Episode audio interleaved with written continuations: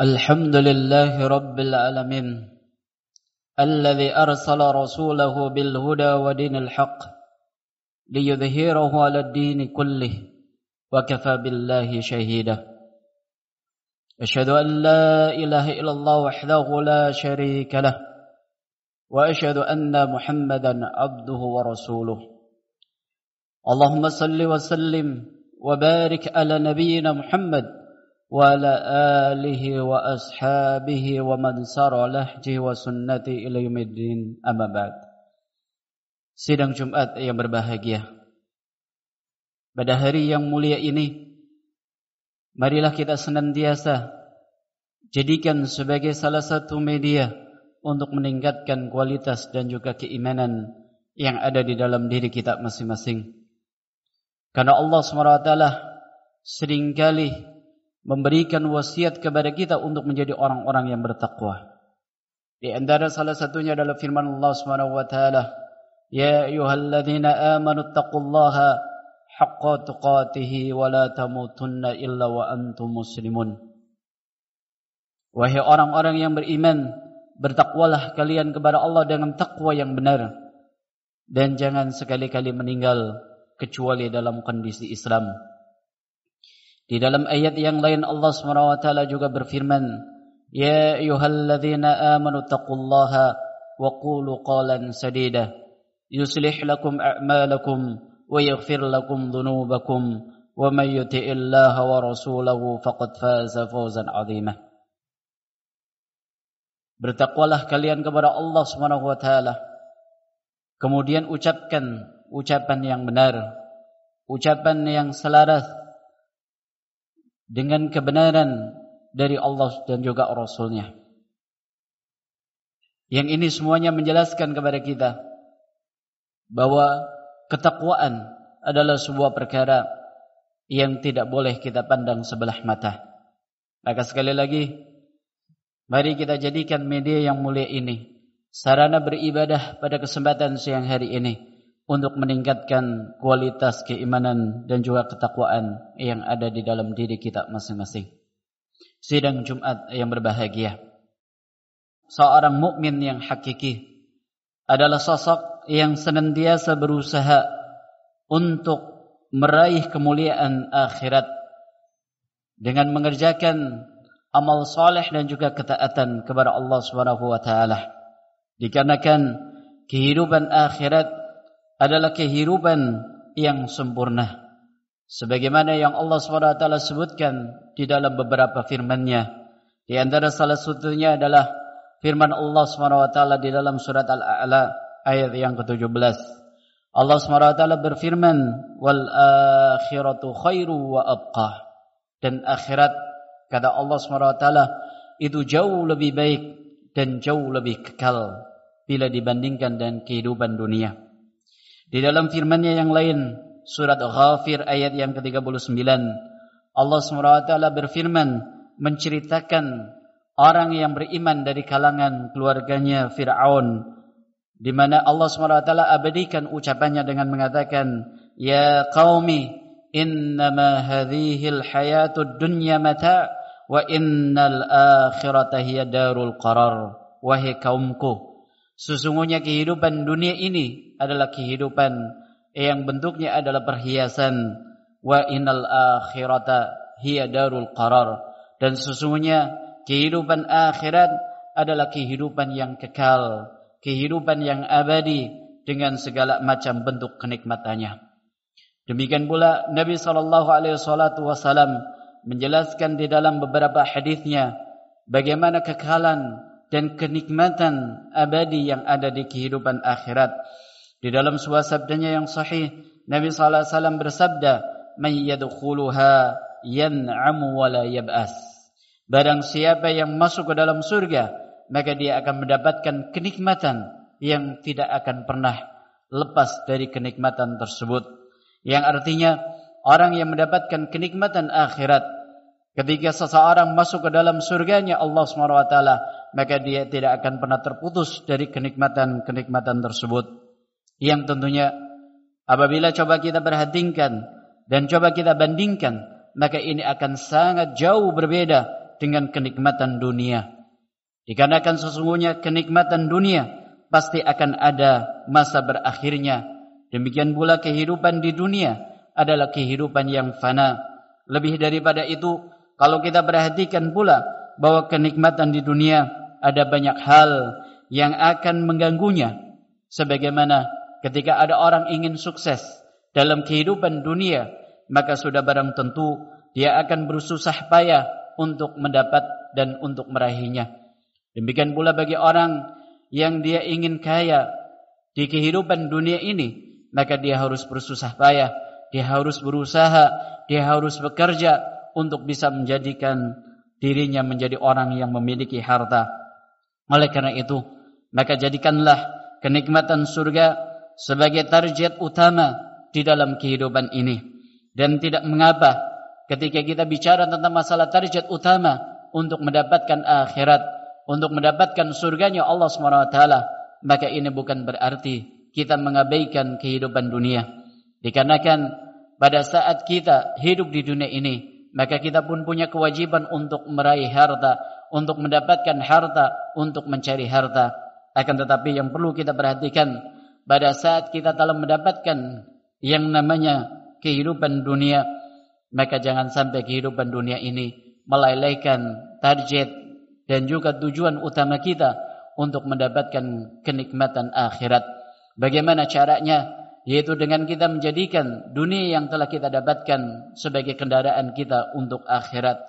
Oleh karena itu kesuksesan hakiki yang harus senantiasa ada di dalam pribadi seorang muslim adalah ketika dia berusaha untuk menyelamatkan dirinya dari siksa api neraka dan berusaha bagaimana dirinya masuk ke dalam surganya Allah Subhanahu wa taala sebagaimana yang disinyalir oleh firman Allah Subhanahu wa taala di dalam surat Al-Imran ayat 185 Allah Subhanahu wa taala berfirman kullu nafsin dha'iqatul maut wa innama tuwaffawna ujurakum yawmal qiyamah faman zuhsiha 'anil nar wa udkhilal jannata faqad faza. Yang artinya setiap jiwa pasti akan merasakan yang namanya kematian tanpa terkecuali. Wa innama tuwaffawna ujurakum yaumal qiyamah. Dan sesungguhnya kalian akan mendapatkan balasan dari setiap aktivitas dari setiap amal yang kita lakukan di dunia yang kalian kerjakan di dunia kelak pada hari kiamat. Ibadah kita kebaikan kita, amal soleh kita, maka nanti kita akan mendapatkan balasannya pada hari kiamat. Sebagaimana pada saat kita melakukan kezaliman, pada saat kita melakukan kejahatan, pada saat kita melakukan keburukan, kita pun akan mendapatkan balasan kelak pada hari kiamat. Lalu Allah SWT menjelaskan kepada kita semuanya. Untuk menjadi bahan renungan kita. Pada saat kita akan melakukan sebuah aktivitas di kehidupan dunia ini di saat kita bekerja, di saat kita berinteraksi bersama keluarga, pada saat kita statusnya sebagai seorang warga di tengah-tengah masyarakat, maka perhatikan pada setiap aktivitas, amal perbuatan kita, sikap kita, perilaku kita, maka Allah SWT menjelaskan kepada kita mana yang seharusnya kita pilih. Ketika Allah mengatakan zuhziha 'anil nar wa udkhila al-jannata faqad faza. Maka barang siapa yang diselamatkan oleh Allah dari siksa api neraka dan dimaksudkan ke dalam surganya Allah SWT, inilah kesuksesan hakiki. Inilah kemenangan hakiki. Inilah kebahagiaan hakiki. Oleh karena itu pada saat kita bekerja, mari kita lihat aktivitas pekerjaan yang kita jalani selama ini. Dari profesi-profesi yang kita geluti selama ini. Apakah menjadikan kita sebagai sosok yang selamat dari siksa api neraka dan mendorong kita untuk masuk ke dalam surganya Allah atau justru sebaliknya. Demikian pula pada saat kita berumah tangga. Apakah aktivitas kita di dalam kehidupan rumah tangga menjadikan kita menjadi sosok yang selamat dari siksa api neraka, menjadi orang-orang yang sukses mendapatkan surganya Allah atau justru menjadi orang-orang yang masuk ke dalam siksanya Allah taala. Ini semuanya harus kita renungkan, harus kita perhatikan dikarenakan Allah taala sudah memberikan sebuah standar kesuksesan, kebahagiaan yaitu bagaimana ketika seseorang diselamatkan dari siksa api neraka dan dimasukkan ke dalam surganya Allah Subhanahu wa taala. Sidang Jumat yang berbahagia. Tatkala kita telah menyadari akan hal tersebut, telah memahami bahwa setiap aktivitas yang kita jalani dalam kehidupan ini, maka cuma ada dua pilihan yang harus kita pilih salah satunya, yaitu berbuat baik atau berbuat tidak baik, untuk beramal saleh atau tidak beramal saleh. Maka pada saat kita telah menyadari akan hal tersebut, maka bagaimana usaha kita untuk bisa meraihnya. Maka kenikmatan surga dijelaskan oleh para ulama kita itu bisa diraih dengan terlebih dahulu merengkuh keridhaan Allah SWT. Agar kita bisa sukses di akhirat. Pada saat kita menginginkan kebahagiaan di akhirat, maka di antara cara, di antara kiat yang bisa kita lakukan yang paling utama dan paling mendapatkan skala prioritas dalam kehidupan kita adalah bagaimana kita mendapatkan keriduan dari Allah Subhanahu wa taala. Bagaimana kita itu dicintai oleh Allah Subhanahu wa taala. Sebagaimana yang kita mendapatkan penjelasan dari Nabi sallallahu alaihi wasallam bahwa seseorang tidak akan mungkin bisa masuk ke dalam surga hanya dengan sebab amal soleh yang dilakukan. Hanya dengan sebab ketaatan yang dia kerjakan di kehidupan dunia ini. Akan tetapi orang masuk ke dalam surga itu disebabkan karena rahmatnya Allah, karena kasih sayangnya Allah SWT, karena belas kasihnya kepada hambanya. Sebagaimana yang disebutkan dalam sebuah hadis yang diriwayatkan oleh Imam Bukhari, Nabi wasallam menjelaskan kepada kita konsep di dalam meniti jalannya Allah Subhanahu wa taala, di dalam menuju surganya Allah Subhanahu wa taala, di dalam kita beragama. Kata beliau sallallahu alaihi wasallam, "Saddidu wa qaribu wa abshiru." Beliau menjelaskan, "Sadidu," maka berlakulah sebagai orang-orang yang senantiasa mendekat kepada kebenaran. Karena kita semuanya tidak akan mungkin bisa sama persis di dalam beragama seperti yang dijalani oleh Nabi sallallahu alaihi wasallam. Yang bisa kita lakukan adalah usaha semampu kita untuk mendekat sesuai dengan tuntunan suri tauladan kita Nabi Muhammad sallallahu alaihi wasallam. Kemudian yang kedua, kata Nabi sallallahu alaihi wasallam wa qaribu. Kemudian kalian berusaha untuk tetap istiqamah mendekat dengan ajaran Nabi sallallahu alaihi wasallam wa abshiru dan menjadi orang-orang yang mendapatkan kabar gembira dengan keistiqomahan, dengan ketaatan, dengan senantiasa meneladani Nabi sallallahu alaihi wasallam fa innahu Kata Nabi sallallahu alaihi wasallam, "La yadkhulu ahadan jannata 'amaluhu." Sesungguhnya kata beliau, tidak akan ada amalan yang dikerjakan oleh seseorang yang bisa menjadikan ia masuk ke dalam surga. Dikarenakan kalau coba kita bandingkan hadirin yang rahmat Allah taala antara amal ibadah yang kita kerjakan dengan kenikmatan surga itu tidak ada bandingnya. Salat yang kita kerjakan, zikir yang kita lakukan, bacaan Al-Quran yang kita baca, sedekah yang kita keluarkan dari harta yang kita miliki, apabila dibandingkan dengan kenikmatan surga, itu tidak ada bandingnya. Oleh sebab itu Nabi sallallahu alaihi wasallam mengatakan, "La yadkhulu ahadan al-jannata amaluhu." Tidak akan ada amal yang dikerjakan oleh seseorang yang bisa menjadikan ia masuk ke dalam surga. Oleh karena itu para sahabat bertanya, "Wala anta ya Rasulullah?" Tidak pula anda wahai Rasul maka beliau mengatakan wala ana tidak pula saya artinya Nabi sallallahu alaihi wasallam masuk ke dalam surga pun bukan dengan sebab karena amal ibadah yang beliau kerjakan karena sekali lagi tidak ada bandingannya antara amal ibadah yang dikerjakan oleh seorang hamba dengan kenikmatan-kenikmatan yang ada di dalam surga lalu Nabi sallallahu alaihi wasallam mengatakan illa ayatakhaman diyanallahu bimaghfiratin wa rahmatin melainkan Allah SWT telah meliputi diriku dengan ampunan dan juga kasih sayangnya. Ini menjelaskan kepada kita semuanya bahwa seseorang masuk ke dalam surga itu disebabkan karena kasih sayangnya Allah, karena sebab rahmatnya Allah, karena sebab ampunannya Allah Subhanahu wa taala. Oleh sebab itu, di antara perkara yang harus menjadi perhatian kita bersama adalah kita berusaha melakukan perkara-perkara, amalan-amalan yang bisa menjadikan kita itu dicintai oleh Allah Subhanahu wa taala. Dan di antara salah satunya adalah dengan melakukan tiga perkara yang diwasiatkan oleh kanjeng Nabi sallallahu alaihi wasallam.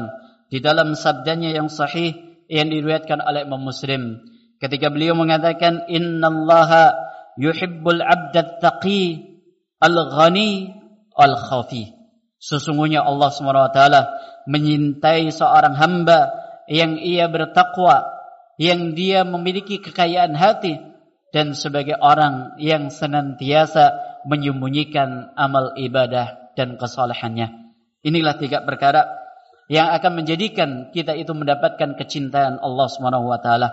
Oleh sebab itu, agar kita menjadi orang yang dicintai Allah, maka marilah kita berusaha untuk menyembatkan tiga sifat ini di dalam diri kita. Yang pertama adalah menjadi orang yang bertakwa menjadi orang-orang yang senantiasa menjalankan perintah Allah dan bertotalitas di dalam meninggalkan larangan Allah Subhanahu wa taala. Inilah konsep takwa.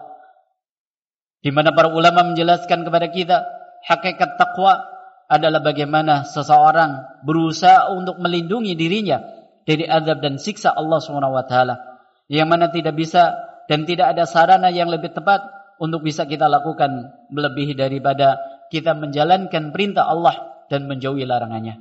Maka mari kita berusaha untuk mencari tahu apa saja perintahnya Allah dan apa saja yang menjadi larangan Allah SWT. Karena bisa jadi ada orang yang disebabkan ketidaktahuannya dia melakukan sebuah larangan atau bisa jadi dia meninggalkan sebuah kewajiban. Oleh sebab itu, para ulama menjelaskan pula bahwa orang yang bertakwa adalah orang yang beramal ibadah didasari dengan ilmu pengetahuan. Sebagaimana ketika dia meninggalkan sebuah larangan, dia pun didasari dengan ilmu pengetahuan. Oleh sebab itu inti daripada orang yang bertakwa adalah diawali dari ilmu. Untuk berusaha mengamalkan ilmu yang telah dia pelajari. Kemudian yang kedua, agar kita menjadi orang yang dicintai oleh Allah SWT adalah menjadi orang yang memiliki kekayaan hati. Bagaimana caranya? Para ulama menjelaskan yaitu dengan dua cara. Yang pertama adalah dengan memiliki sifat qanaah. Merasa cukup dari apa yang telah Allah berikan di dalam jatah rezekinya. Sebagaimana disebutkan di dalam sebuah hadis yang sahih, Nabi sallallahu alaihi wasallam mengatakan qad aflaha man aslama wa ruziqa kaffafa wa qanna'a Allahu bima atah. Sungguh beruntung orang yang beriman itu. Sungguh beruntung orang yang masuk ke dalam agama Islam kemudian dia mendapatkan rezeki yang cukup kemudian merasa cukup qanaah dengan pemberian Allah Subhanahu wa taala. Ini cara yang pertama untuk menjikin membikin kita memiliki kekayaan hati. Kemudian yang kedua, menjadi orang-orang yang tidak terlalu ambil peduli dengan apa yang dimiliki oleh orang lain. Artinya menjadi orang-orang yang zuhud, menjadi orang-orang yang tidak terlalu ambil peduli, tidak ambil pusing dengan harta yang dimiliki oleh orang lain. Karena apa yang dimiliki oleh orang lain adalah bagian dari rezeki yang telah Allah tentukan kepada dirinya. Sebagaimana kita juga memiliki rezeki yang tidak dimiliki oleh orang lain. Maka pada saat kita bisa memiliki sikap yang seperti ini. Menjadi orang yang tidak terlalu ambil peduli. Tidak pusing dengan harta yang dimiliki oleh orang lain. Maka kita akan menjadi orang-orang yang memiliki kekayaan hati. Akan menjadi orang yang kaya hati. Dan inilah hakikat orang yang kaya sejatinya sebagaimana yang disebutkan dalam sebuah sabdanya Nabi sallallahu alaihi wasallam laisal hina an kasratul arud walakin hina hina nafs kekayaan yang hakiki itu adalah bukan orang yang memiliki banyak harta akan tetapi kekayaan yang hakiki adalah orang yang memiliki kekayaan hati kemudian yang ketiga adalah berusaha untuk menyembunyikan amal kebaikan yang telah dikerjakannya tidak pamer tidak ingin mempublikasikan amal ibadah yang selama ini kerjakan. Dari solatnya, dari ibadah bacaan Al-Qur'annya, dari zikirnya, dari ibadah umrahnya, dari hajinya, dari sedekahnya, maka dia berusaha untuk menutup serapat-rapatnya. Inilah tiga perkara yang dengan tiga perkara ini apabila kita sematkan di dalam diri kita, kita akan menjadi orang-orang yang dicintai oleh Allah Subhanahu wa taala. Maka sekali lagi, marilah kita berusaha senantiasa berusaha untuk memiliki tiga sifat ini yang dengannya kita akan dicintai oleh Allah Subhanahu wa taala. Aqulu qawli hadza astaghfirullah li wa lakum wa li sairil muslimina wal muslimat fastaghfiru innahu huwal ghafurur rahim. Alhamdulillahi rabbil alamin hamdan katsiran tayyiban mubarakan fi kama yuhibbuhu wa yardah. Asyhadu an la ilaha illallah wahdahu la syarika lah wa asyhadu anna Muhammadan abduhu wa rasuluhu. اللهم صل وسلم وبارك على نبينا محمد وعلى آله وأصحابه ومن تبعهم بإحسان إلى يوم الدين أما بعد Sidang Jumat yang berbahagia. Tatkala kita memiliki target menjadi orang yang dicintai oleh Allah SWT, tentunya kita akan semakin termotivasi pada saat kita mengetahui apa keuntungan di balik hamba yang dicintai oleh Allah SWT. Maka para ulama kita menjelaskan mengacu kepada beberapa hadis yang disampaikan oleh Nabi sallallahu alaihi wasallam bahwa tidak ada prestasi manusia yang lebih tinggi selain daripada dicintai dan diridhai oleh Allah Subhanahu wa taala. Di antara salah satu buah ketika orang tersebut dicintai oleh Allah Subhanahu wa taala adalah sebagaimana yang dijelaskan oleh Nabi di dalam sabdanya yang diriwayatkan oleh Imam Bukhari dan Muslim. Nabi sallallahu alaihi wasallam bersabda, "Idza ahabballahu 'abdan nada Jibril." Tatkala Allah taala mencintai seorang hamba, maka Allah akan memanggil malaikat Jibril Kemudian Allah SWT mengatakan innallaha yuhibbu fulanan wa yuhibbu Jibril. Allah sesungguhnya Allah SWT mencintai si fulan maka seketika itu juga malaikat Jibril mencintai si fulan. Kemudian fayunadi Jibril fi ahli sama maka setelah malaikat Jibril mencintai orang yang dicintai oleh Allah SWT maka malaikat Jibril memanggil penghuni langit yaitu para malaikatnya Allah Subhanahu wa taala. Lalu mengatakan menyeru innallaha yuhibbu fulan fahibbuhu. Sesungguhnya Allah Subhanahu wa taala mencintai si fulan maka cintailah oleh kalian. Apa maknanya? Maknanya adalah ketika orang dicintai oleh Allah maka dia akan memiliki popularitas di penghuni langit. Dia akan menjadi orang yang tenar di penghuni langit yaitu di kalangan para malaikatnya Allah Subhanahu wa taala. Tidak sampai cukup di kemuliaan tersebut akan tetapi Nabi sallallahu alaihi wasallam juga mengatakan thumma yud'u lahul qabul fil ardi.